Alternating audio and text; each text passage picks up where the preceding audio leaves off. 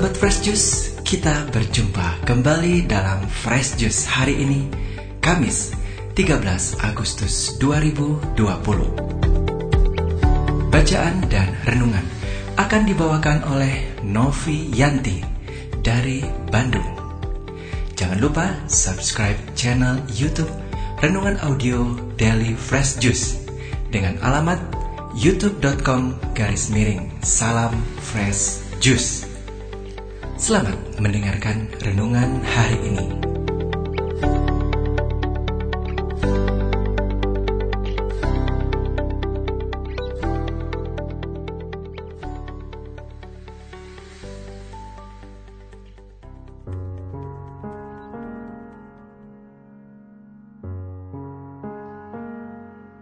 Halo Sobat Fresh Juice, kembali bersama saya Novianti dari Bandung. Hari ini kita akan merenungkan Injil Matius bab 18 ayat 21 sampai bab 19 ayat 1 yang berjudul perumpamaan tentang pengampunan. Kemudian datanglah Petrus dan berkata kepada Yesus, "Tuhan, sampai berapa kali aku harus mengampuni saudaraku jika ia berbuat dosa terhadap aku? Sampai tujuh kali? Yesus berkata kepadanya, Bukan, aku berkata kepadamu, bukan sampai tujuh kali, melainkan sampai tujuh puluh kali tujuh kali. Sebab hal kerajaan sorga seumpama seorang raja yang hendak mengadakan perhitungan dengan hamba-hambanya. Setelah ia mulai mengadakan perhitungan itu, dihadapkanlah kepadanya seorang yang berhutang sepuluh ribu talenta. Tetapi karena orang itu tidak mampu melunaskan hutangnya, raja itu memerintahkan supaya ia dijual beserta anak istrinya dan segala miliknya untuk membayar hutangnya. Maka sujudlah hamba itu menyembah dia katanya, Sabarlah dahulu, segala hutangku akan kulunaskan. Lalu tergeraklah hati raja itu oleh belas kasihan akan hamba itu, sehingga ia membebaskan dan menghapuskan hutangnya. Tetapi ketika hamba itu keluar, ia bertemu dengan seorang hamba lain yang berhutang seratus dinar kepadanya. Ia menangkap dan mencekik kawannya itu katanya, bayar hutangmu. Maka sujudlah kawannya itu dan memohon kepadanya, sabarlah dahulu, hutangku itu akan kulunaskan. Tetapi ia menolak dan menyerahkan kawannya itu ke dalam penjara sampai dilunaskannya hutangnya. Melihat itu, kawan-kawannya yang lain sangat sedih, lalu menyampaikan segala yang terjadi kepada tuan mereka. Raja itu menyuruh memanggil orang itu dan berkata kepadanya, "Hai hamba yang jahat, seluruh hutangmu telah kuhapuskan karena engkau memohonkannya kepadaku. Bukankah engkau pun harus mengasihani kawanmu seperti aku telah mengasihani engkau?" Maka marahlah tuannya itu dan menyerahkannya kepada Algojo-Algojo sampai ia melunaskan seluruh hutangnya. Maka Bapakku yang di sorga akan berbuat demikian juga terhadap kamu apabila kamu masing-masing tidak mengampuni saudaramu dengan segenap hatimu. Setelah Yesus selesai dengan pengajarannya itu, berangkatlah ia dari Galilea dan tiba di daerah Yudea yang di seberang sungai Yordan. Demikianlah Injil Tuhan. Terpujilah Kristus.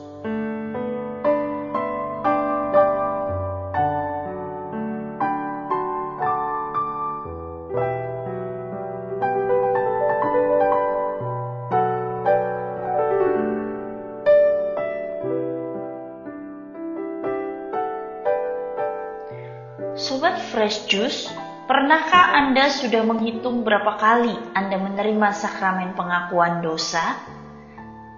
Berapa kali Anda memerlukan pengampunan Tuhan?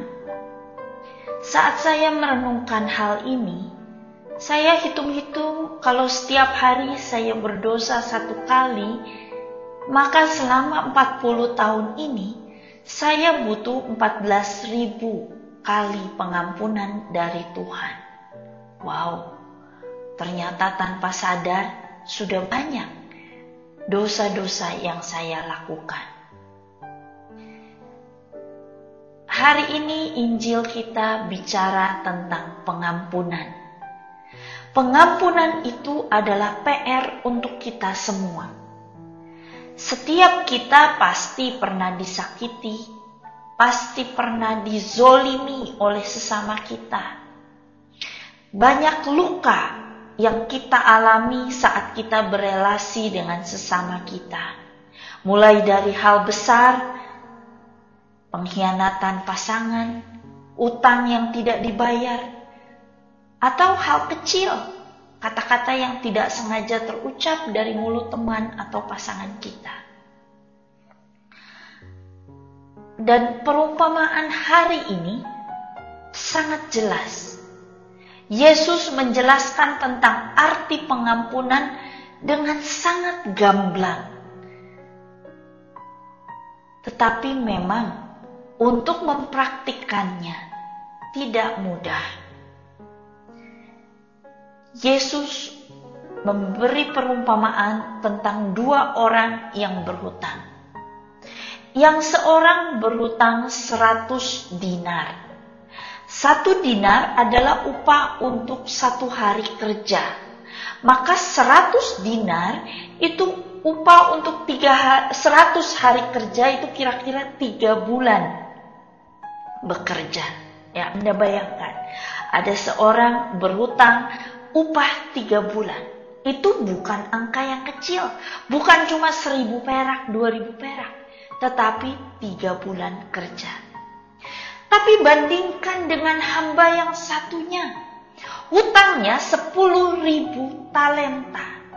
Satu talenta adalah enam ribu dinar.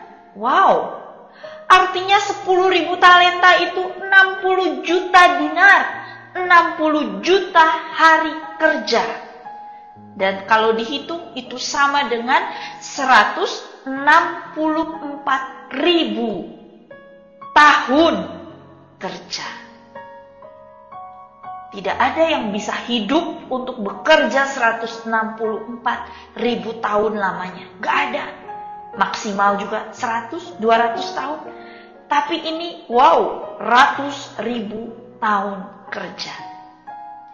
Artinya, utang orang ini begitu besar, begitu banyak, tetapi sang raja tetap mengampuni utangnya.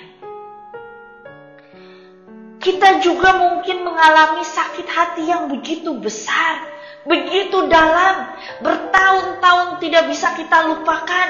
Dan setiap kali mendengar ayat tentang ampuni, ampuni, kita akan menjerit dan katakan, Tuhan aku tidak bisa ampuni dia. Aku tidak bersalah, tetapi dia begitu kurang ajar. Dia sudah menyakiti aku, dia sudah mengkhianati aku. Bagaimana aku bisa ampuni dia, Tuhan? Tidak mungkin bisa. Ini sudah keterlaluan. Tuhan, Engkau tidak mengerti betapa sakit hatiku. Tetapi Tuhan katakan, bahkan utangmu yang sepuluh ribu talenta pun aku ampuni seumur hidupmu, setiap kali engkau datang padaku untuk meminta ampun, aku ampuni. Yesus tidak meremehkan arti pengampunan. Yesus tahu betapa besarnya upaya yang harus kita keluarkan untuk melepaskan pengampunan. Yesus tahu betapa sulitnya mengampuni orang yang sudah menyakiti hati kita. Tetapi Yesus pun tahu bahwa kita hanya manusia biasa. Hati kita tidak cukup kuat untuk menanggung semua sakit hati itu dan menyimpan semua dendam itu seumur hidup kita. Karena itu malah akan merugikan tubuh dan rohani kita. Dan Yesus pun tahu bahwa kasihnya jauh lebih besar daripada semua rasa sakit hati kita. Kasihnya cukup untuk memulihkan luka hatimu. Dia Allah yang maha adil. Dia tahu setiap tetes air mata kita. Yesus sudah mengampuni kita 70 kali 7 kali. Maka kita pun yang telah menerima kemurahan Tuhan itu diingatkan untuk juga bermurah hati kepada sesama kita. Kita pun tidak sempurna. Kita pun sering menyakiti sesama kita tanpa sengaja. Dan sesama kita pun hanya manusia biasa yang tidak luput dari kesalahan, tidak luput dari keserakahan, tidak luput dari dosa-dosa lain. Hidup kita di dunia hanya singkat. Mungkin 80 tahun, 90 tahun, kita tidak tahu kapan hidup kita ini akan berakhir. Jangan isi hidupmu dengan sakit hati tetapi lepaskan pengampunan dan terimalah kasih Yesus yang memulihkan agar kita bisa bebas dari rasa dendam, kita bisa bebas dari sakit hati dan kita bisa berfokus pada kasih Tuhan yang memulihkan kita. Roh Kudus yang ada di dalam hati kita akan menguatkan kita untuk melepaskan pengampunan itu. Sobat Fresh Juice, Hari ini kita memperingati peringatan dua santo yang luar biasa, yaitu Santo Hippolytus dan Santo Pontianus. Hippolytus adalah seorang sarjana teologi. Dia menulis banyak karya yang mengagumkan. Tetapi dia kecewa dengan Paus saat itu karena menurut Hippolytus Paus itu tidak cepat tanggap dan Paus malah membiarkan banyak orang tersesat dan meninggalkan ajaran agama. Maka Hippolytus begitu marah, dia begitu kecewa. Kenapa gereja tidak bisa menyelamatkan umat? Buat apa aku melayani gereja kalau pausnya begitu lamban dan tidak cepat mengambil keputusan?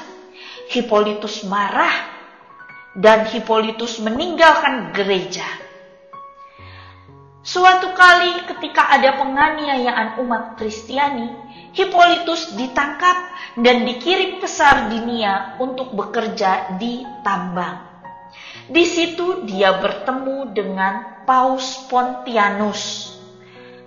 Hippolytus tersentuh dengan kerendahan hati Paus Pontianus dan Hippolytus ingin kembali ke gereja karena melihat begitu luar biasanya Paus yang mau merendahkan diri dan mengorbankan diri untuk para pekerja tambang. Dia mau mengampuni gereja dan para paus terdahulu yang sudah menyakiti hatinya. Dia mohon agar boleh kembali ke pelukan gereja. Dan segera saja rasa marah, rasa kecewa Tuhan ambil dari hatinya Paus Pontianus pun dengan rendah hati mau menerima kembali Hippolytus. Dan mereka berdua wafat sebagai martir. Mereka diperingati bersama-sama dan dikenang sebagai saksi pengampunan dan pengharapan Kristiani.